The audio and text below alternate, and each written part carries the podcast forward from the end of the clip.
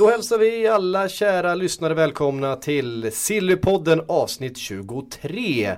Mitt namn är Patrik Syk som vanligt och med mig i studion här idag har jag Silly-Jesus som du fick Oj, eh, heta hjälp. efter förra podden. Patrik Fan. Sjögren. Hej, Och- lite för kort hår för dig känner jag. Och inte alls den auran. Det lite den auran, det, kan, det okej, kan jag tycka. Tack, tack. Jag Och- ser ut som att hänga på ett kors och förblöda liksom. Eh, och din Judas för dagen då, ska vi kalla honom för det? Mm. Helt korrekt. Fredrik Jönsson tillbaks i Sillypodden-studion. Eh, efter eh, några inhopp i somras och en deadline day och sådär. En rutinerad eh, silly season-veteran. Det känns smickrande att vara Judas faktiskt. Jag tycker det det passar det? Om, bra. om, om Sjögren är Jesus Ja, så är det då är Judas det väldigt smickrande. Ja, Eller absolut. hur? Absolut, det var precis det jag tänkte. Härligt, det är ju många fotbollsspelare som har kallats för Judas, inte minst så här i januari. Vad säger ni om den segwayen? Den var jävligt snygg Den faktiskt, var måste jag snygg. säga. Eh, någon som knappast kommer få eh, det epitetet lämnat efter sig eh, men som verkar vara på väg bort är Andersson. Manchester United har ju börjat sin Eh, eller ser väl i alla fall ut att börja sin eh, storstädning som väl kommer inledas nu i januari och fortsätta i somras. Först ut verkar då vara Andersson som eh, ryktas vara på väg till Fiorentina. Känns det logiskt? Alltså det är så konstigt, jag såg det där ryktet igår så gick jag in på hans kära Wikipedia-sida, den här djupa researchen vi journalister gör. Även så kollade jag, och fan vad länge han varit i Manchester United, det är nog helt sjukt. Han, han spelar liksom inte, vad fan är det som händer? Inga utlåningar, ingenting, han, bara, han har bara harvat där liksom. Så att, Man har varit där i 5-6 år någonting. ja men det är ju något sånt där, det är helt sjukt. Det fanns någon gammal bild, när han sitter där med Ronaldo och har det mysigt på bänken liksom. Är jävligt konstigt, så att det känns som det är på tiden kan man väl säga. Det känns som att han egentligen är en bra bit över 30 och, Mm. och har typ ingenting kvar. Men det, förmodligen så kanske han inte har någonting kvar heller. Men det känns ändå som att han är, att han är väldigt gammal. Precis som du säger, att han har varit där jättelänge. Eh, och upplevt en hel del roligt men kanske inte stått för så mycket roligt själv alla gånger. Eh, så det är ju logiskt att han lämnar, det är inget snack om det. Sen var han går, det vet jag inte vad som Han har varit en av de här som har dykt upp och tagit emot en Champions League-medalj och en eh. Premier League-medalj och så här, men Han har Just aldrig det, tagit en där, utlåning alltså. liksom, för att då kan man ju missa titlarna, det är ju så liksom. Man tar inte speltid, nej nej nej, fan vi är på gång i CL här, men du lirar ju inte Andersson, vad fan, det kommer bonusar och Han har ju grejer, tittat, det, får han, det måste han ju ha då. Han har en ruggig meritlista då. Han har både Champions League och Premier League och Ja, men alla kommer tro att han ljuger när han berättar om det så att Underbart Fantastiskt. måste kännas Men- när karriären är över. Man ser alla de här titlarna och sitter och diskuterar. Man har inte varit med och gjort någonting under vissa säsonger. Men man har ändå titlarna liksom. Ja, det är lite som Jesper Blomqvist förutom finalen då i Champions League där han ju faktiskt klev in för en eh, lite småsliten Ryan Giggs. Måste det väl ha handlat om, Det jag minns bör faktiskt varit inte. Det var ganska många år sedan. Den då gamla Ryan Giggs. Den redan då gamla Ja. Ryan Giggs, ja precis. Och där nämnde du också någon som kallades Judas. Vid ett senare tillfälle, Jesper Blomqvist. När han kom hem och skulle spela i Sverige. Ja så var det ju. Mm. Intressant. Och det var Intressant. inte på grund av den frisyren han skaffade sig, mina, sina dreadlocks eller vad det var, utan det borde ha varit därför. Ja men det var inte riktigt det. Nej, Ehm, och kopplingen, eh, om vi då ska gå tillbaka till Andersson, eh, United och eh, Italien verkar ju vara någonting som man jobbar på. Man jobbar på Italienspåret, det som har varit så framgångsrikt för Tottenham den här hösten. Eller? Ja. ja, äh, va? Eh, hur som helst så tog eh, David Moyes flyget direkt efter segern mot Swansea i lördags flyget ner till Turin för att studera, ska vi gissa, Calgarys Astori? Ja, han var väl i Calgary till och med tror jag. Ja, Ja, det kanske var i, precis. ja, det var, Ja, det var i han, de spelade, det var inte i, i Turin. Tänkte att här håller jag var låg mot, profil. Mot, mot Juventus i alla fall. Ja, Därför Stämmer. att eh, det ryktes ju också att han då spanade in eh, Pogba och eh, Arturo Vidal. Ett vad- namn som vi har haft uppe här lite, lite mm, Ja men det var ju roligt det där, för det kommer den där uppgiften och bilden när han sitter där inför matchen och ska spana på den. Och så skriver ju Sky Italia då, som är den, de som är först med att dra ut det här, att eh, David Moyes är här, han kommer titta på David Astore. Och så tar det max två minuter, sen börjar det twittras från sådana här andra transferkällor, sådana konton som egentligen inte har någon större koll. Och så helt plötsligt står det, ja ah, David Moyes, ja han tittar på Arturo Vidal liksom. Så bara, vad fan, bara för att det är ett sexare namn så de får lite fler retweets så att det blir lite roliga artiklar sen. Men han tittar inte på Art- Arturo Vidal, han flyger inte dit, visar att han är där och liksom ska scouta Arturo Vidal, det gör man inte utan han är ju där och, och med största sannolikhet tittar på Astore. Astore som då eh, ryktas ska ersätta Vidic. Som ju eh, Galatasaray drar i. Hans agent gick väl ut och sa att han förmodligen inte i, i dagsläget kommer förlänga med United. Om det nu är för att han inte kommer förlänga med United eller om det är för att han vill ha bra betalt så han kan avsluta sin karriär i United. Det vet vi inte, det brukar ju vara annars ganska smart att göra det med tanke på den åldern han är, att han ska få ett bra kontrakt till och får kanske lite löfte om att han fortsatt ska få liksom spela i United oavsett. För han har ju ändå ett kontrakt till i sig känns det som. Han är ju inte Rio Ferdinand gammal liksom. Han Nej. behöver inte åka till USA ännu riktigt. Nej precis för Rio Ferdinand sjunger ju verkligen på sista versen. Ja. Det, det, kan vi väl slå fast. Eh, Nemanja Vidic 32 nu va? 31 31 ja, 82 jag skrev hans ålder i den texten, kommer jag nu ihåg om det var 31 eller 32 Han var, ju, han var ju i reservlaget samtidigt som Bojan Djordjic i alla fall Ja de är ju polare De är ju polare ja eh, Ska vi inte säga något taskigt om Bojan? Tränar med AIK nu Han håller ju också på att byta klubb, exakt mm. BP, Manchester United Ungefär samma. Det ja men det är absolut. United-spåret kan leda, kan leda många vägar. Mm. Eh, men om vi stannar vid Vidic då. Eh, Galatasaray storsatsar igen, fortsätter. Turkisk fotboll verkar ha fått en, eh, en ganska skaplig, ett skapligt lyft av eh, investorer och eh, tv-pengar.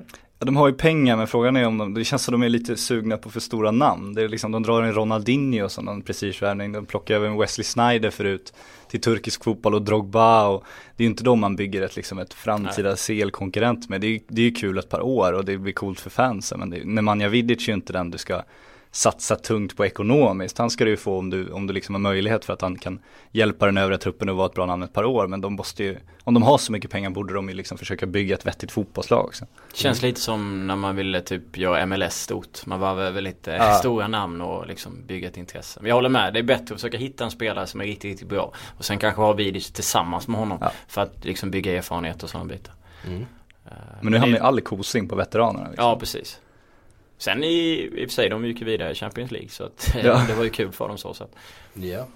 Eh, Moyes som sagt eh, flög ner till Italien. Hans assisterande Phil Neville tog samtidigt ett annat plan fast ner till Spanien. Mm. För att kolla in Atletico Madrids 19-åring eh, Saul eh, Niguez som spelar i Rayo Vallecano. Utlånad jag har gjort en kanonsäsong där och scoutas nu intensivt utav Phil Neville. Det är lite obehagligt. Ja, extremt obehagligt Phil Neville efter sig. Ja, men det man kan säga är ju att eh, när väl David Moyes och Phil Neville eh, liksom tar planet och börjar scouta då har det ju kommit en bra bit på vägen. Från början är det inte de som sitter på läktaren. Det var ju som när United var ute efter Alexander Milosevic i AIK. Det var det ju flera scouter där. Och sen till sist så flyger Sir Alex Fergusons bror över för att liksom göra en slutvärdering av, av liksom om det verkligen är en spelare de ska satsa på. Nu blev det ingenting den gången, bland annat för att han skadade sig kanske. Men, men när väl Moyes flyger, det är ju, då är det ju verkligen nära affär, det måste man säga. Och Astori känns som en, ja, det, han kommer ju inte rädda Manchester United, men det känns ändå som det var honom de tittade på. Mm. Det var intressant att de gör det efter en seger också, i och med att de har förlorat så mycket jobbiga matcher. Att då fick de andrummet för att åka och titta efter att de hade besegrat Swansea istället ja. för att de får stryk mot, mot något annat lag. Eh, men han, eh, Niguez, Saul, han har väl också varit eh, jagad av Arsenal som jag har förstått det. Och även att det ryktas som att Arsenal redan har pratat med honom, diskuterat med honom. Chelsea har också varit ja, där precis. och, och, så att, och, eh, det finns ju konkurrens gnagt. Men han tillhör ju Atletico ska man säga också så att ja. det, det, de kan ju inte köpa från en liten klubb som Rayo, så enkelt är det ju inte utan Nej. det ska förhandlas stort där. Men känns inte det, United som har jagat Kåke, det har ju inte varit någon hemlighet direkt att eh, Nej. det har varit ett top target för United som ju måste förstärka mittfältet. Eh, ska man liksom så här, man går efter Kåke och, och, och, och landar på den utlånade 19-åringen. Ja, han ska väl knappast vara den som ska fylla den, den vakanta platsen på Uniteds mittfält liksom i, i, vår eller ens i höst. Utan han är väl en spelare de i så fall hoppas ska, ska blomma i United på sikt då. Men Kåke är ju den de skulle vilja ha in och bara sätta rakt in i laget såklart. Mm. Med tanke på att alla spelare har sjunkit ett par nivåer sen Sir Alex Ferguson slutade så hoppas de väl hitta någon ung spelare som kanske höjs istället i framtiden med tanke på att alla gått ner. De, men de tittade även på han försvararen Alex Galvez, Galvez tror jag. Eh, Neville gjorde också. Han har jagats av Dortmund tidigare. Eh, så att, men alltså United känns som att de vill, måste fylla på på eh, många positioner som mm. det ser ut just nu. Och hålla kvar Rooney. Ja absolut. Eh, undrar fall eh, det ryktades att de även hade representanter i Portugal tillsammans med alla andra lag i Europa. så, så var de på stormatchen mellan Benfica och Porto. Porto. Mm. Det var väl Leicester som var där också eller något? Det var ju... Men alla var där. Ja men det alla var, så, var där. det var så små. Var ja. Det cirkulerade den scoutlistan, vi publicerade den i bloggen där och det finns ju helt fantastiska namn på klubbar där som liksom, vad fan gör ni där? Och då, då funderar man ändå om det är någon agent som kanske har någon polare och så bara, du Eh, kan jag skriva upp mig på e-klubb? Jag tänkte gå på matchen ikväll bara, ta ett par bira och slappna av lite. Ja men gör det, det är okej. Det kan ju också finnas sådana agenter som jobbar åt en eh, fem, sex olika klubbar. Så kan det vara. En, en i varje land. Men det är iskallt att skriva upp Leicester som sin klubb då liksom. Jag tror inte att de kommer köpa loss någon från Porto i år. Ja, tveksamt. Eh, Porto och Benfica, två klubbar som är rätt bra på att ta betalt dessutom. Eh, Garay, backen, var ju också en av de här som United eh, har pratat om. De som ska komma in och ta en av de här eh, positionerna där bak. Där pratas nu om Zenit som går in tungt. Både på eh, forwarden Rodrigo och Garay i ett paket för någonstans runt 350-400 miljoner. Det är ganska bra betalt för, för de två spelarna.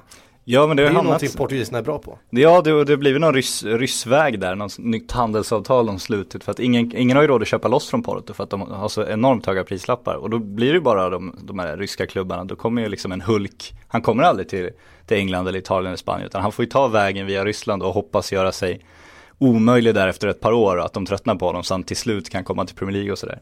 Vägen via Ryssland kan man ju också ta om man vill hamna i Chelsea. Ja Så det är, det är rubel de betalar med. Där, där hade vi ju Matic.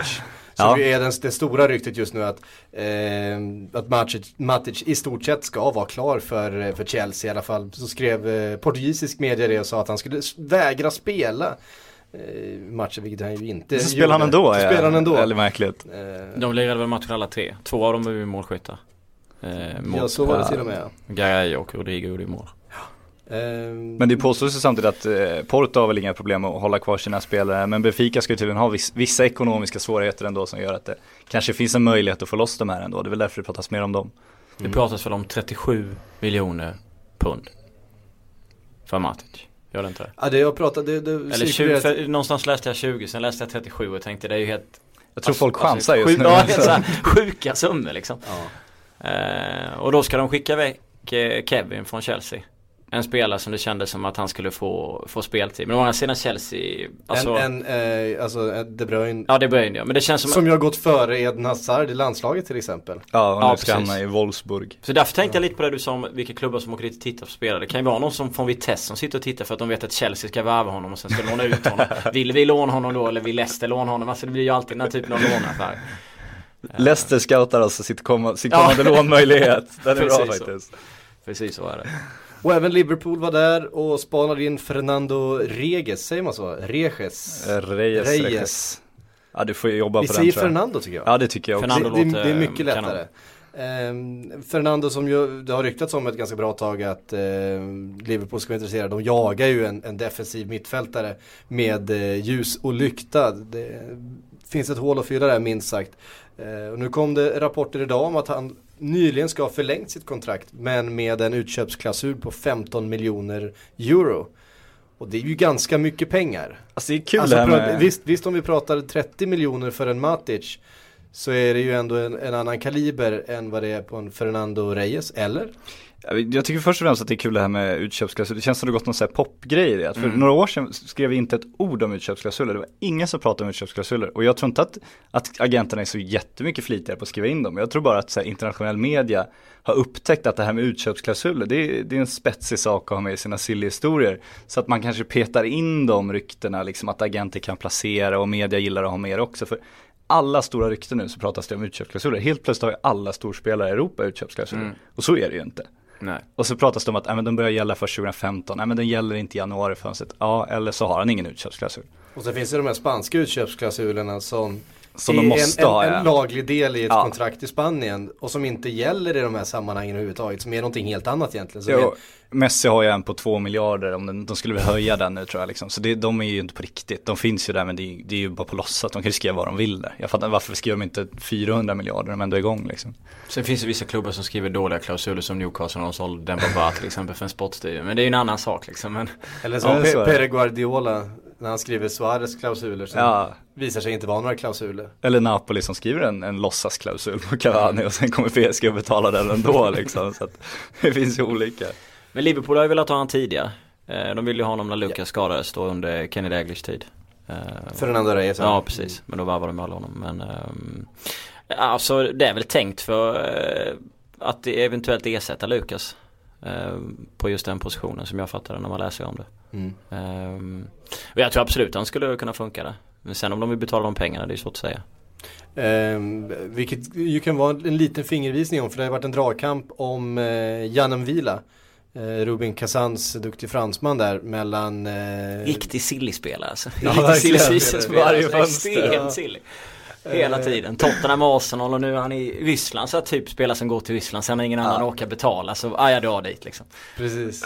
Eh, gjorde sig ju inte jättepopulär i, i Rennes för han eh, gick heller. Han var väl mer eller mindre tvungen att gå. Det har bråkat sig bort därifrån och i slutändan var det bara Kazan som ville betala eh, vad det kostade. Fick han Men du- frysa ett år. Nu verkar det, verkar det va- ha varit en dragkamp mellan eh, Napoli och Liverpool. Det ska pågå förhandlingar.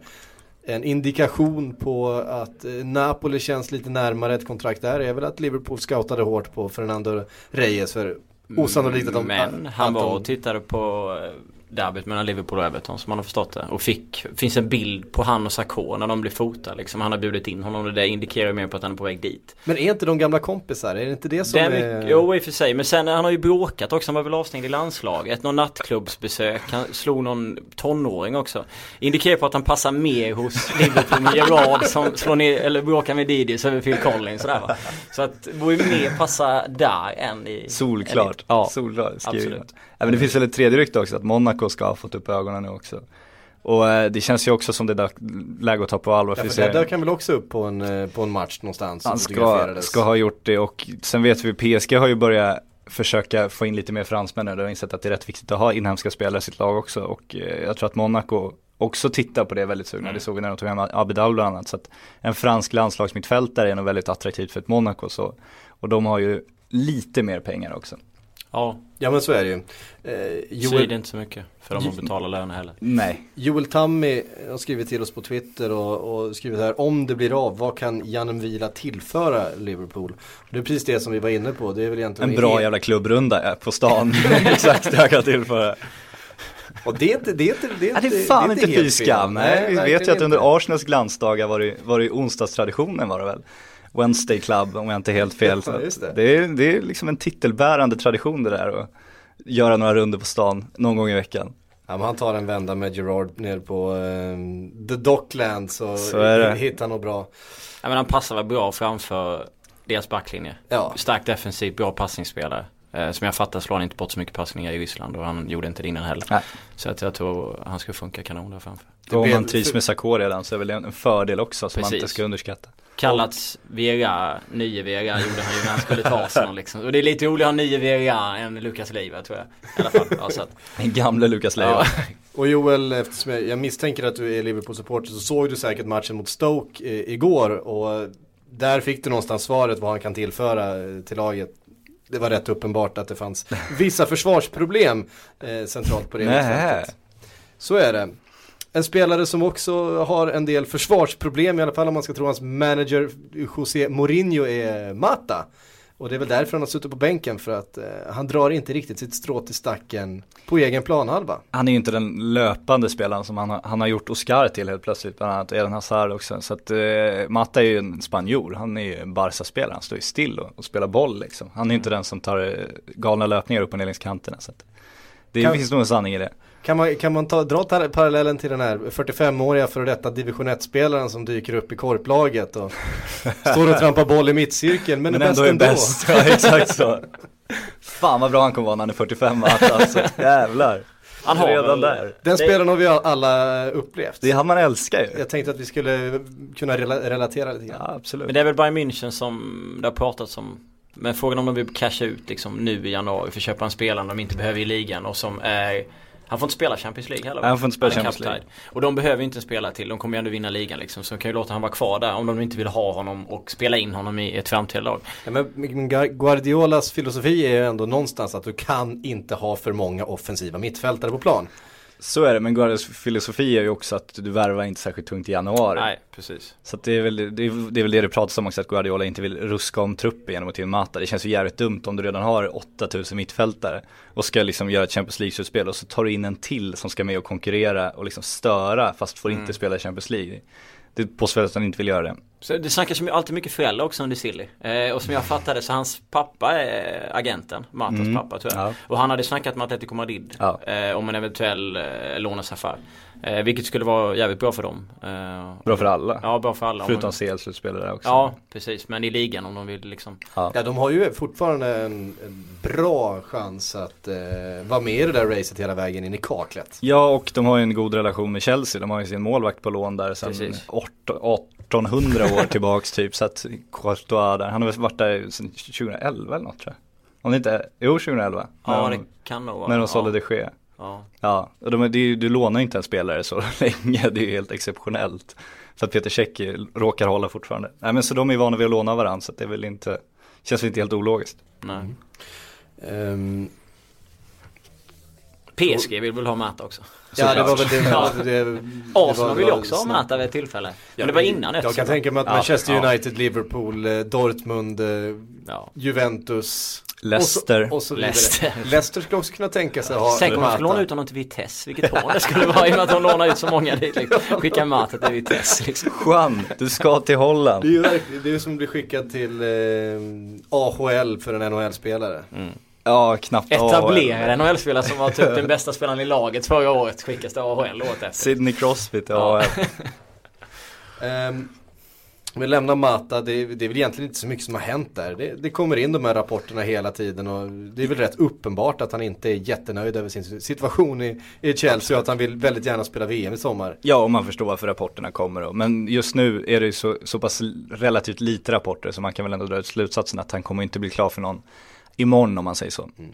Kanske den enda, den enda klubben i världen som just nu inte, tror jag, är sådär jätteintresserad av Juan Mata. Det är Manchester City.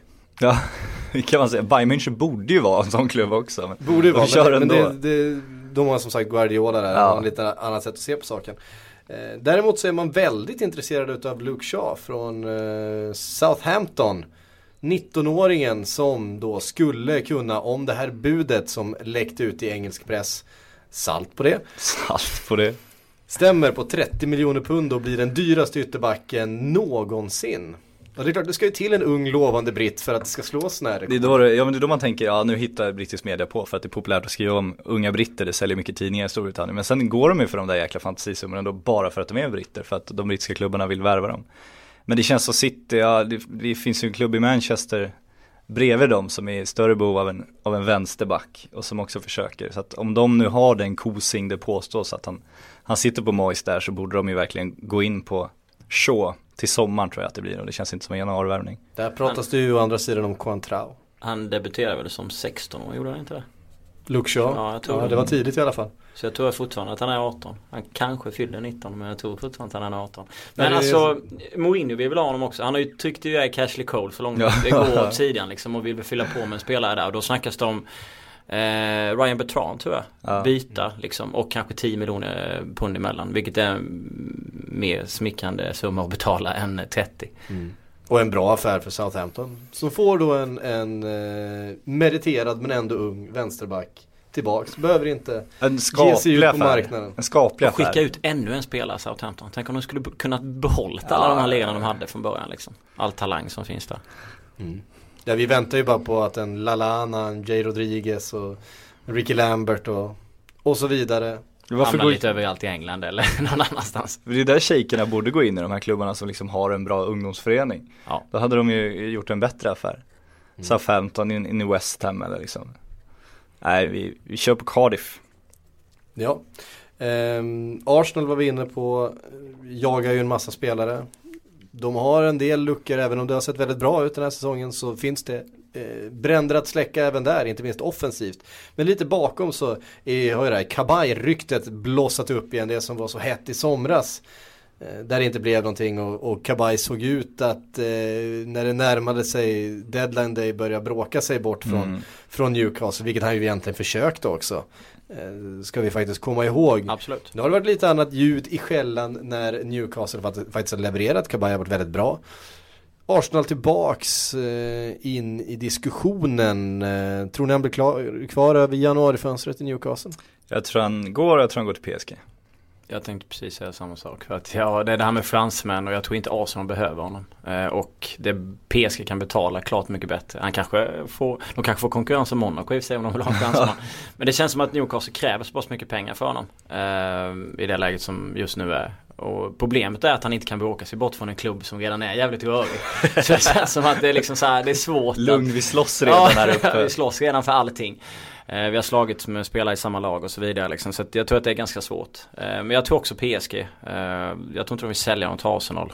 Om de inte får över 200 miljoner. Jag tror inte Arsenal vill ha dem heller. Med tanke på situationen är. Arsenal behöver ju andra spelare och behöver betala betydligt mycket mer för dem. Um, så jag tror att, precis som Jesus här, att han, att han, går, till, eller att han går till PSG. Men det känns ju så på Blanc också för att när han får de här frågorna om silly så säger han hela tiden, ja men jag är lugn och jag är nöjd men om det är någon position jag vill förstärka så är det mittfältet och så får han frågor om, han får frågor om Pogba och de här som alla fantiserar om. Då är han lite mer restriktiv, så får han frågor om Kabay och då säger jag kan bara säga att Kabay är en bra spelare. Och när en manager säger jag kan bara säga att Kabay är en bra spelare, det betyder ja absolut vi försöker där. Mm. Sen tittar de ju på ersättare också. Newcastle. Eh, de tittar på, eh, för Montpellier, Remi Kabeja, vi snackar om uttalet där det kan vara helt åt skolan. Men, men en, en mittfältare i alla fall. En fransman alltså? Ja, 23-24 bast, kan spela offensivt, defensivt på mittfältet. Han var riktigt grym mot PSG eh, tidigare. Eh, jag vet inte vad prissumman är där men som jag fattat det så vill han stanna hela säsongen för Montpellier går ju väldigt, väldigt dåligt. Och å andra sidan tycker jag Newcastle ska skita i att värva från Montpellier med tanke på hur dålig en Viva har varit sen han kom till klubben. Så att, men han är väl den som eh, ligger närmast till som en ersättare. Uh, om nu inte United följer också uh, Remy Kabeja om de inte vill ha honom istället liksom. Mm. Och sen kommer det här galna ryktet om Kurt Zuma till United, eller till Newcastle också tycker jag är fantastiskt. Den här superlovande mittbacken, en av världens mest lovande spelare får man säga, fransk fotbolls framtid. Och så postas Newcastle nu ska rycka honom med, sina kabaj-pengar kan man tänka. Mm. Det kanske finns en fördel där ändå att de har byggt ett franskt lag, att det är lättare för en fransk talang att ändå gå till ett sånt lag då trots att det inte är ett av topplagen. Liksom. Kan vara ett bra utvecklingssteg. Även om man sitter i Newcastle sportsliga ledning kanske man ska springa så fort man ja. kan därifrån om man är talang. Men... Det beror på vem man snackar med också. Vissa av de här fransmännen har ju funkat väldigt bra och vissa har man ju trott ska ja, dominerar klart mycket bättre. Typ Cissoko har varit okej okay, men man trodde ändå mer på honom när han följdes av de här storklubbarna. Debussy är ju liksom Det är ett tåg som bara springer rakt fram och öppnar gigantiska ytor framför. Man har ingen aning vad han håller på med. Så kort hit och dit och sådär liksom. Så att, eh, och MB har ju varit en katastrof. Eh, man hade en jävla spark igår MB va? Det var ja, man såg hans vristträff där. Ja, nu var precis. Den, givetvis men en, Everton, jag vet inte om man såg Everton-matchen men det måste vara den enskilt sämsta insatsen av en försvarsspelare tror jag. Ja det måste det varit. På väldigt, väldigt länge. Det håller jag med om. Sen så får vi se vad han väntar för slags straff efter, eh, det väntar han väl inget eftersom domaren såg ju och tog beslut där om ett gult kort så väntas inget ytterligare straff för en biva. Nej, det inte vara. Och det, liksom, det var ju inte, nu tog den ju väldigt illa men hade Nasri inte skadat sig så hade vi ju sagt i efterhand absolut rött men så hade man ju glömt bort det. Nu råkar det ju ta så pass illa på Nasri att han verkar ha fått en knäskada då och då det är klart man kommer ihåg det då men det känns inte som man borde få någon längre avstängning ändå tycker jag. Nej. Sparka sönder Nasri ett VM-år. absolut, ja men det är ju populärt. jättefult. Rött det var väl det enda Arsenal-spelaren kanske jublade åt. Men tanke på att de hoppades att City skulle tappa poäng men de fick Nasri och, eh, Men sen är det väl Santon också. Eh, ja precis, eh, eh, Arsenal jagar ju också Santon då. Som eh, kan bidra med mål åt båda håll. Absolut, eh, tycker att han i ett tag i Newcastle såg han ju extremt stabil ut. Men eh, det där har ju gått lite upp och ner. Eh, och han kommer nog aldrig bli när Paolo Maldini som folk i Italien hoppades att han skulle bli. För att han har inte riktigt den här jämnheten. Eh, det är ganska inte. många som inte har blivit Paolo Maldini ska, ja, vi, absolut. vi komma ihåg. Ita italiensk försvarsspelare inte vad det en gång var. Så att, eh. Det är ganska många som inte blivit Patrick Vieira också ja, som vi sa tidigare. Så. Vi ska faktiskt komma in på det alldeles strax när vi ska prata Milan och, och ehm, eh, den här tränarkarusellen som pågår där. Ska vi göra det med en gång? Ja, ja vi, vi gör det, bara dundrar in. Maldini har ju lämnat Milan förut. Han är utlånad till Brescia nu. Ja, precis. Mal Christian Maldini.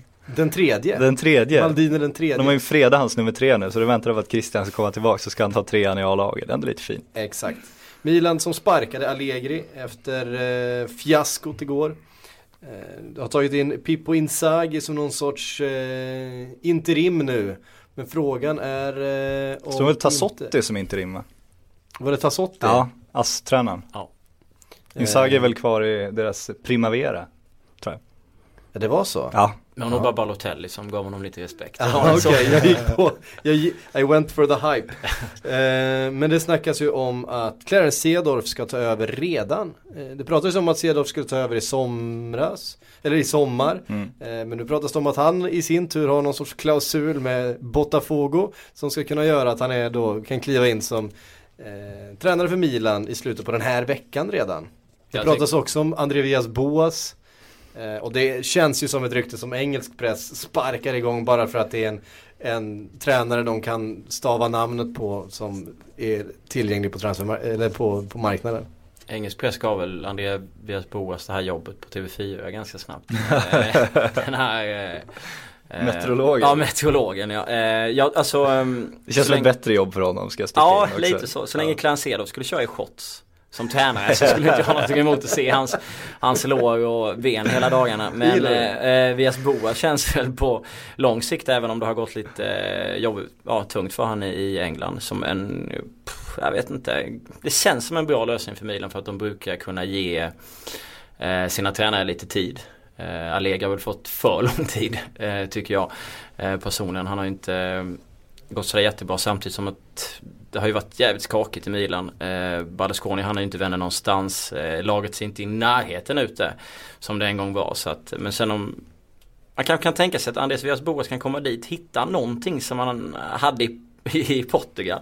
Med lite värvningar och eventuellt få ordning på Milan. Um, Clancedo får ju som sagt oprövat så jag har ingen aning vad han skulle kunna Ja, det kommer ju springa runt, Clasera får så Inzaghi som då. Det blir 22 stora lår som springer offside hela tiden. Ja, det, det exakt. blir kul att kolla på. Ja, men ur en seriös eh, synvinkel så är väl Villas Boas den bästa lösningen. Men sen hoppas man ju att det skulle kunna Men vart komma. står han? Vart Ska vi, står ja, han ska, egentligen? ska vi inte Alltså, spräcka Vias Boas bubblan nu? Är det inte läge att bara ta ner honom på jorden? Vad Ja men fan vart har står gjort, han? Vad, vad liksom? har han? Precis, vad har han egentligen åstadkommit? Ja, men han har Por- vunnit, vunnit ligan med eh, kanske det bästa Porto-laget som någonsin har spelat i den portugisiska Sen Mourinho. ligan. Eh, sen Mourinho tog inte CL-titeln kan man väl eh, ja precis. flika in, det var ju ett bra lag också. Nej men det var ju det han gjorde och då såg man ju knappt någon match, då vet man inte riktigt vad det Jag kan ärligt säga, jag såg ju inte hans Porto så många matcher. Så jag vet ju inte exakt vad han gjorde där. Men sen han kom till Chelsea och framförallt Tottenham, det känns som han bara, han vill vara någon slags Mourinho så han överanalyserar allting. Så han satte ju ut Tottenham med en sån här supertaktisk uppställning han liksom ströp ju all kreativitet och liksom Jag tycker han har varit ett, ett Men duktigt men- praktfiasko bara. Jag inte förstår inte varför det, han får det, det, chansen. det José Mourinho gjorde var ju att han såg till att sätta en defensiv. Ja, och inte, Vias in, Boas inte ställa en fyrbackslinje vid, mitt, vid, vid mittlinjen och hoppas på att eh, ja, ingen skulle slå bollen på de 40 metrarna som fanns att slå bollen på. Det verkar väl vara också det, på det personliga planet så verkar han inte, alltså jag vet inte, han verkar ju ha problem med alla spelare vad Ja. han än är. Eh, men eh, jag vill väl ge han en tredje chans tror jag innan han, eh, innan han kan lägga av som fotbollstränare. Det känns som för att om han inte lyckas tredje gången då är det ju bara, då kan han ju hålla på med någonting annat. Och Låna är- ut honom till Vitesse nu istället. Ja, Vitesse skulle de kunna köra honom. Men sen alltså vad ska de annars? Jag och Milan plocka, jag vet inte, Lippi kanske? Plocka in någon liksom så här korttidslösning någonstans. Eh, Tassotti, ja. Det beror på vad de vill göra också, för det är en mackant där mellan eh, Barbara och Silvio nu. Eh, och vem de ska ha som sportchef bland annat. Och det reflekterar väl laget också. Alltså ska, ska Silvio gå in tungt och investera i spelare och så vidare, då är det klart, då vill man ha in en Lippi eller någon, liksom, någon meriterad som liksom kan styra upp det där laget. Nu är han väl kanske lite för gammal. Men eh, vill de liksom bygga för framtiden och kanske göra en mer ekonomiskt hållbar satsning då kanske det är spännande att, att ge, se då för ingen aning men Pippo Inzaghi har de ju själva satt på tillväxt. Tror de på honom kanske det är läge att ta upp honom.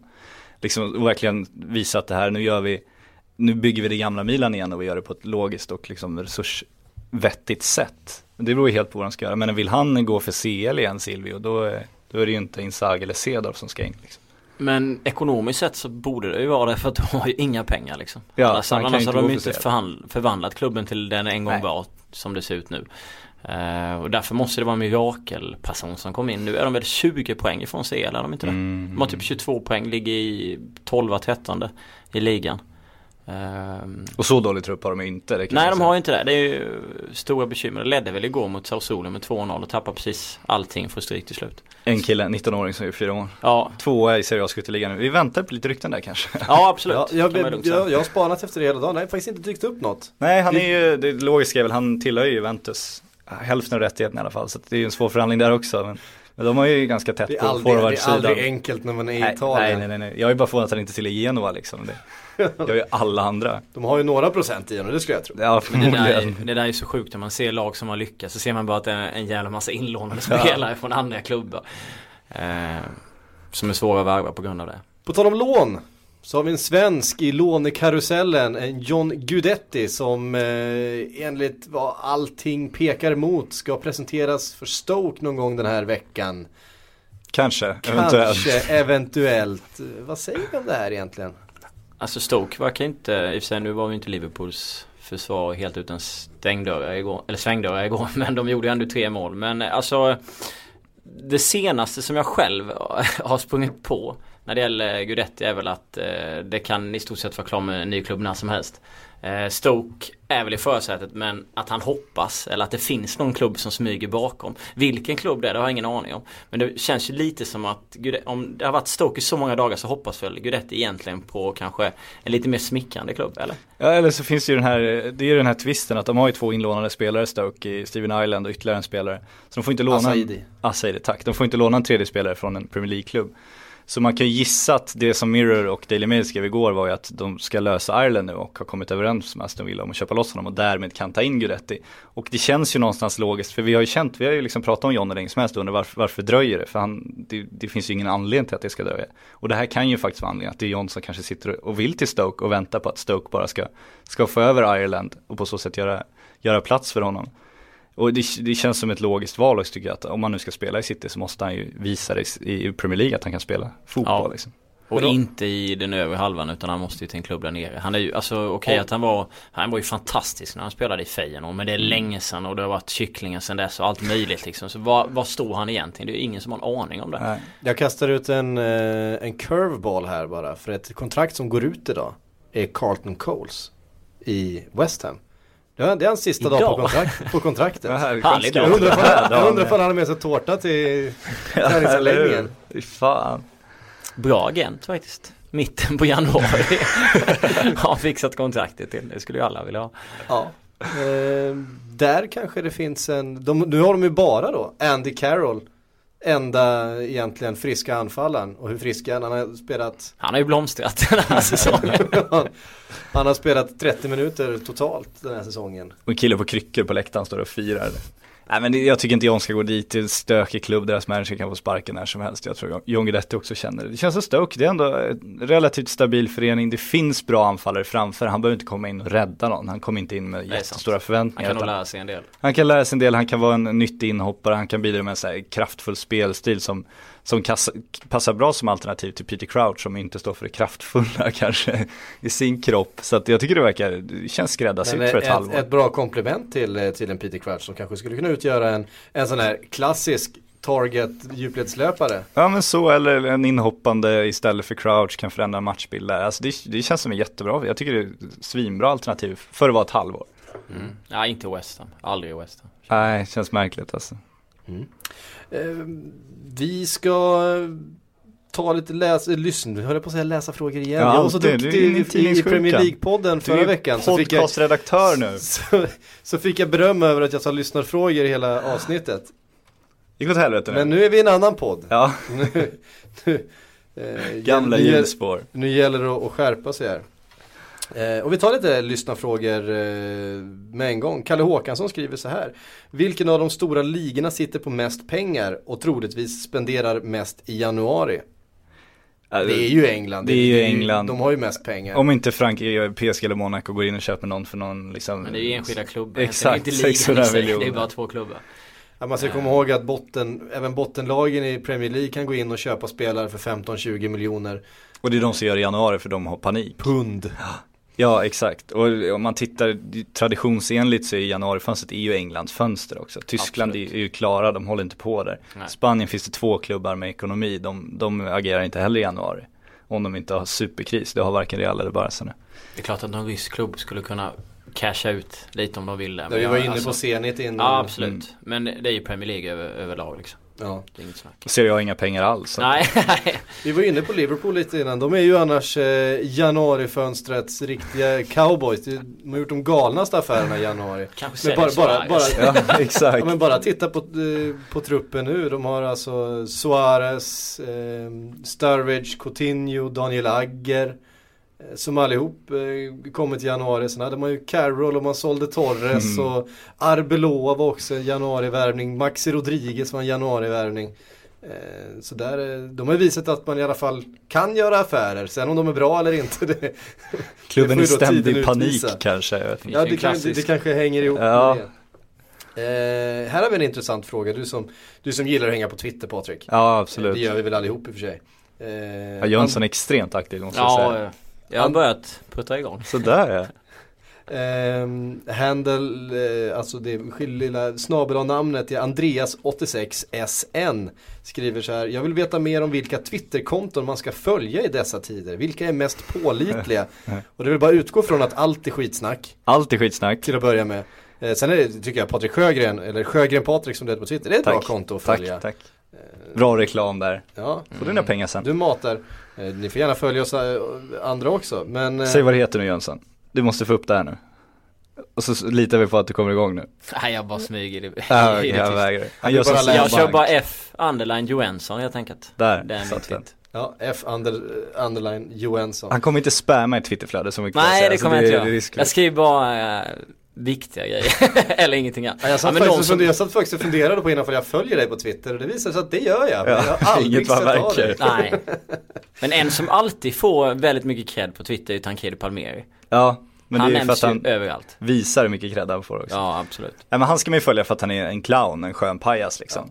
Men hemligheten är väl, eh, det, det, Di, Di Marzio, om man, om man är snabb på Google översättning, för han skriver mycket Ja. på, på italienska, men han har ju en stab. Och han är ju faktiskt väldigt högt ansedd eh, bland eh, italiensk eh, press. Och när det kommer till de italienska övergångarna så är han ju ett namn att följa. innan, men jag tycker också han är fruktansvärt övervärderad för han trycker ut en 10-12 rykten per dag liksom. Och räknar vi hem hur många som fastnar där så är det inte många. Hans hemlighet är ju att han är på alla bollar på något sätt så att det är klart han träffar några då. Det känns lite som spanska tidningar som bara öser ut och sen stämmer 3% och räknar runt, räknar ihop Och så skryter de om liksom. Ja, dem för skryter att de har om lyckats 3%. pricka då. Men ett generellt tips är väl att hitta de större lokaltidningarna. Eh, det har vi varit inne på innan att de mest trovärdiga nyheterna hittar man ju hos de som är närmast klubbarna. Ja men det jobbiga med Twitter, alltså det man ska göra är ju att följa alla egentligen. För hemligheten är ju, de här lokaltidningarna, små lokaltidningar, de är ganska svåra att hitta, det är väldigt sällan de kommer ut med nyheter. Men när de väl gör det så kommer de stora tidningarna också liksom följa upp dem, så då kommer du ändå inte missa dem. Men hemligheten är alltså, The Mirror är inte så trovärdig, The Sun är inte så trovärdig, Daily Star är inte så trovärdig. Men, Telegraph. Telegraph är inte så trovärdig. Men när The Mirror, Daily Sun, Daily Star, The Sun och Telegraph skriver samma sak, Då, då, då är de trovärdiga. Om du- det finns i Silly-bloggen samtidigt. Ja, exakt. Han har ingen cred.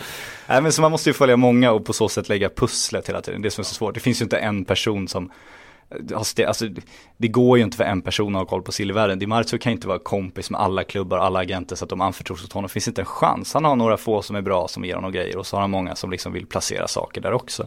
Så försök med alla och sen, det är det Sillybloggen är till för.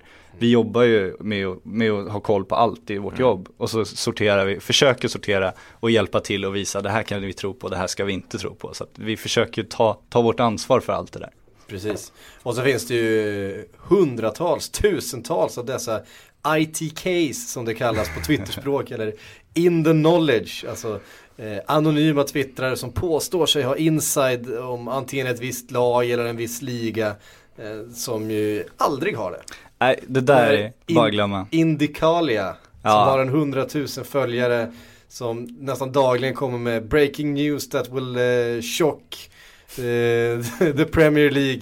Eh, och ja, det är ju rent, det är ju rent skitsnack. Ja men det är bara att lägga pusslet själv. Skulle den personen då sitta och trycka ut de här grejerna gratis på Twitter för att det är kul om man har så stora nyheter? Nej, han hade ju gått till en tidning, hej här är ett bra tips, hur mycket pengar får jag för det? Då hade han jobbat in tipsen där och liksom gjort det här till sitt jobb. Det finns ju ingen som är sån idiot som uppenbarligen är så skarp så att han har så bra kontakter som sitter och tycker att det är gratis på internet. Det finns inte en suck att det där stämmer liksom. Kanske så jag ska bygga upp mitt följe. Breaking news, bara rakt ut hela tiden. Jag har ju någon som följer mig eh, jag tror det är någon som följer mig i Newcastle någon annanstans i England. Så om jag trycker ut det där så kanske han bara Ja, slipper det vidare och sen så, sen så är det igång liksom. Ja men precis, ja, så är det ju. Eh, vi går vidare på nästa fråga. ASAP Hockey. Hakon RF. Eh, han skriver på norska, jag blir alltid lite glad. Eh, Ja, härligt. Så nu tänkte jag klämma i mig lite norska här. Ja, Vad tror ni om vi det? sitter som på nålar. Nu har han skrivit på lite, han skrivit på lite skandinaviska, men jag tänker läsa det helt på norska. Så får vi se ifall våra norska lyssnare blir, blir nöjda. Eh, visst Tottenham blir nött till att handla spiss. Eh, Nånor Defoe snart drar till Kanada. Kanada? Vad tror ni om det? Jag tycker du var jätteduktig, jag är djupt imponerad. Det, det var ju lite sådär, eh, vad säger man, Flexnäs eh, Ja absolut, norska. lite raljerande. Jag har inte en aning om vad du Men om sa. jag ska översätta Nej, då, heller, om, jag, till om jag ska översätta, översätta då till alla svenska lyssnare. Om Tottenham nu blir tvingade att handla spets nu när, eh, eller handla forward nu när Defoe drar till Kanada. Ehm, det snackas om eh, Quagliarella ju, Ja, Shane Long och eh, Gonalons. Det blir väl en dragkamp med Napoli där också precis som får man Liverpool dra in lite trivia här som är lite roligt, eller en liten anekdot bara. Nej, det var ju så fantastiskt, jag tryckte in i bloggen igår men man såg ju när Defoe landade i Kanada, det är ju en sån underbar bild. För vi hade den här, eh, när Khalili landade i Saudiarabien nu och det var liksom hundratals supportrar som bara bar fram och det var klassiska Tobias Linderoth han är mer liksom obekväm än någonsin. Och Wesley Snyder, de bara liksom stängde hela flygplatsen typ för det var så mycket fans. Så dök det upp en bild där Defoe har landat i Kanada, då står han med sin Toronto-halsduk, en röd halsduk. Så en ganska bred bild, så han är ganska liten i mitten. Och sen är det inga personer bredvid honom och en bit bort till höger står en glad tant och bara ler så här helt ensam på hela flygplatsen typ. Och så träffande, tycker jag är härligt. Spela Eh. fotboll i Kanada. Alltså spets behöver, alltså ersätta Defoe som knappt spelar med spets känns väl, eh, alltså Det är klart att Tottenham behöver någon som gör mål. Ja. Eh, med hur, hur det har sett ut. Eh, men vem och vad de ska värva. Eh, vet faktiskt inte. Det Nej, känns det är som, väldigt oklart just nu faktiskt. ja man undrar hur pengarna ligger till där. Okej att de fick in massa för Bale men de spenderar ju mycket av dem och sen ska man inte glömma det, det är ju inte bara så att du, ja, du får in en miljard, då kan vi köpa fem spelare för en miljard så är vi ekonomiskt, liksom, har vi jämnat ut det. Utan nu har de ju ännu större lönekostnader då för att de har betydligt fler sådana spetsspelare som de köpte ganska dyrt. Så att man vet ju inte hur ekonomin ligger till heller. Vissa har ju funkat bra, andra vill ju därifrån. Det ryktas Ja. också om att, att, att, att. Adebayor ska vara på väg bort egentligen den enda Ja. anfallaren den senaste tiden som, eh, som har gjort mål. Ja de behöver ju en anfallare men det är svårt i januari. Jag, jag har svårt att se att Tottenham, då måste du betala överpriser. Jag tror inte Tottenham har den ekonomin. Så att det känns som de ska hoppas på att Adebayor, den här lilla Lilla jag Snacka kalla om för. eh, leva på lånad tid. Alltså att Adebayor kliver in och gör mål. Men han, alltså, han har ju gjort det bra liksom. Men det kändes som att han var lite det kändes som att han skulle bli typ nästan en Anderson i United. Han skulle inte spela en minut liksom. Eh, och Defoe fick de inga större summor för. Eh, när han drar till Kanada liksom. Nej jag hoppas Adebayor hållit sommaren, sen får de gå in då. Det är ju så det känns. Mm, Jag har svårt att säga att de skulle få någon. Och de behöver inte, alltså, de har inte spelat så mycket med Jermaine Defoe. Det är inte så att de behöver ersätta honom. Carlton Cole kanske? Rakt. Eller Du behöver inte flytta så långt heller utan det var Fan vad sjukt Att vända sig om. Eh, så är det. Anton Lysén, vi ska hinna med ett par frågor till tycker jag. Eh, Anton Lys- Lysén skriver så här, finns det några spelare i Championship som är heta på marknaden? Alltså aktuella för Premier League? Och det gör det ju. Vi kan ju ta en sån här som eh, Jamal Lescal från Nottingham Forest som det pratas om idag. Så ryktas till Arsenal eh, och enligt Mirror då, salt igen. Mm. Så har ett bud på 5 miljoner pund nobbats utav Forest. Du ser, när, när, när, Champions, när Championship-klubbarna kan nobba 50 miljoner rakt av för en ung eh, back, då, då finns det ändå pengar. Då vet man vad det är värt att gå upp i Premier League på sikt också. Ja. Eh, Men då är det något som är snett inom fotbollen också kanske. Det finns ju viss ins där också i Blackpool Precis, som Tom har utgående Blackpool, kontrakt. i Blackpool. Swansea är ju det som det har ryktats mest om. Det var ju Den här fantastiska bilden från Också McDonalds. fantastiskt, ja de ska träffa en Swansea-representant så sitter de på McDonalds och förhandlar och det är så, det är glamour, det är som man gör i Swansea. Det är Ja. smart kanske. Ja, Det är inte så Milan, många som tänker att de sitter på nej McDonald's. men Milan har ju den där svindyra italienska restaurangen de går till. Så fort de har en värvning på gång så står ju alla journalister utanför liksom. Jaha nu sitter ni här, ja din agent där, ja, vem har han? Ja, så lägger de pusslet ganska lätt. Det är fan smartare att gå till McDonalds Ja, ja. alltså. Det står inga reportrar. Eh, sen har vi ju Callum McManaman i Wigan. Bra som- namn, Ja, han är ju Ja, faktiskt släkt med, med Original McManaman också. original. Ehm, det ryktas då till Everton. Som har haft Martinez, Wigan. Ja. Inte så konstigt. Ehm, Men det är väl inte riktigt, om man ska säga toppklubbarna i England så tycker jag det, det känns som det här att snegla på Championship är lite över för att jag tycker om, eh, vi såg ju, eh, nu tappar jag namnet, den här supertalangen på mittfältet som spelar i Hughes, Will Hughes. Will Hughes, ja. Derby. Exakt, han är ju en ruggigt hypad engelsman. Eh, ser som har en stor framtid. Eh, inte alls imponerad av honom, tycker inte alls han har det spelat. Om man jämför med de killarna som, liksom, som nu liksom dominerar Premier League. Den teknikmässigt är han ju liksom ljusår efter tycker jag fortfarande. Om man ska vinna Premier League så ska man tyvärr inte scouta engelska talanger just nu. För att det ser väldigt tunt ut där. Då ska man åka till varmare breddgrader tror jag. Mm. Everton å andra sidan är på väg att värva lite annat. Ja, det finns en del rykten där. Mm. Eh, jag Sen bara- ska ju Solskjaer bara- köpa hela Norge också. Ja. Flonaldo ska in och John Carew är aktuell. Fan. Jag vill bara slänga in ett, ett bra namn till. Det finns nämligen en 17-årig defensiv mittfältare i eh, Charlton. Som eh, har en farsa vid spakarna i ett Premier League-lag. Han heter nämligen Diego Poirier. Mm, snyggt. Eh, Gus eh, grabb. 17 år gammal, har gjort U17 landskamp för, eh, för England. Defensiv mittfältare för Charlton, kan vara något för, för Sunderland. Han född vet, 96. man vet aldrig. Eh, jag låter det vara osagt. Jag har inte skrivit ner det. Nej. Och då, då vet jag helt enkelt inte. Väldigt bra efternamn ska man inte underskatta. Det kan ta en långt. Det behövs en del hjälp i den här Die, klubben Diego Poirier, man blir lite Diego- sugen. Ja, det blir man Diego är alltid trevligt. Ja. Eh, Diego Costa och annat. Är det något ni vill tillägga killar? Vad skönt att du inte tänkte på Maradona. Nej jag du tänkte på Diego tar Diego Costa. Costa istället. För att det är Ja, han bra. som, det är Vem har gjort störst avtryck i fotbollshistorien? Fantastisk fotbollsspelare. Alltså, Helt galen. Diego Costa blir kvar va? Ja, blir kvar. Ska vi slå fast det? Ja, vi kan slå fast att alla Atleticos stjärnor blir kvar över januari. tycker Jag nästan hoppas att han blir Vi kvar. måste, vi måste ju också ehm, påminna om det här vadet som nu Ja, det måste vi göra. eh, pågår jag mellan, mellan Patrik Sjögren och Kristoffer Karlsson. Ehm, och det handlar alltså om eh, Julian Draxler. Om huruvida han blir kvar eller om han blir såld. Om man blir såld till Arsenal specifikt. Är det Arsenal specifikt? det vill nej, jag tror, tro. Nej, jag, jag skulle vilja Du breddar vadet nu. Nej jag Ja. tror att vadet var Utveckla precis så här, vadet. så, här, så här brett som det var. Blir han kvar i Schalke, då vinner Patrik. Och KK ska helt enkelt klä ut sig till Vincent Tann i våran deadline day-sändning. och sitta med backslick och skinnhandskar och Cardiff-tröja och, Och så kavaj och Men- byxorna vid midjan. Men är det så att han blir såld? Till Arsenal. Nej, över, överhuvudtaget. Eh, Nu är ni ju lite delade här känner jag. Ja men det där, det där är väldigt I januari det, det eller sommar? Nej, januari till sommaren är absolut inte med på det här. Eh, I januari. Är det i januari till Arsenal så är ju fullt på Sjögrens. Yes. Det är ju inget snack om saken att Arsenal skulle punga ut de pengarna Tack. i januari. Som förmodligen, ja nu, de kommer förmodligen leda Premier League hela månaden tror jag. Det beror på ikväll, Aston Villa. Eh, den motståndaren men alltså jag kan aldrig tänka mig att de skulle betala Tack, de tack. pengarna. The Mirror senast igår. Arsenal vill absolut ha Draxler men det får vänta till sommaren. Ja. Ja, jag Ja. känner mig just nu, peppar peppar ta i trä, så känner jag mig extremt förväntansfull för att se Kristoffer Karlsson i en röd Cardiff-tröja. Instoppade byxorna, byxorna vid bröstvårtorna och sen en, en svart kavaj ovanpå. Det Man undrar lite hur. KK mådde när han körde det vadet alltså. Han Vilken var väldigt- fysisk status han var i. Ja, Han var, han var ju lite påverkad, det måste jag säga. Nej, men han var ju väldigt säker då. Så att, Ja, han var stensäker. Mm. Eh, Men jag tror faktiskt att vadet rör sig om mer än Arsenal. Jag tror det handlar om om Draxler går eller, ja men går vi, eller vi inte. kan bredda, inga problem. Nej, eh, så är det. Ska bli intressant att följa.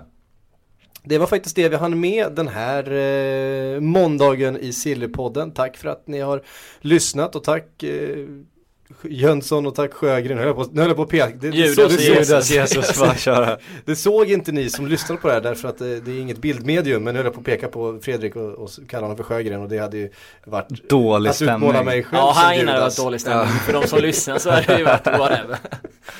Eh, tack så mycket igen för att ni har lyssnat. Skriv till oss på Twitter som vanligt. Eh, och så återkommer vi snart igen med ett nytt avsnitt av Sillypodden.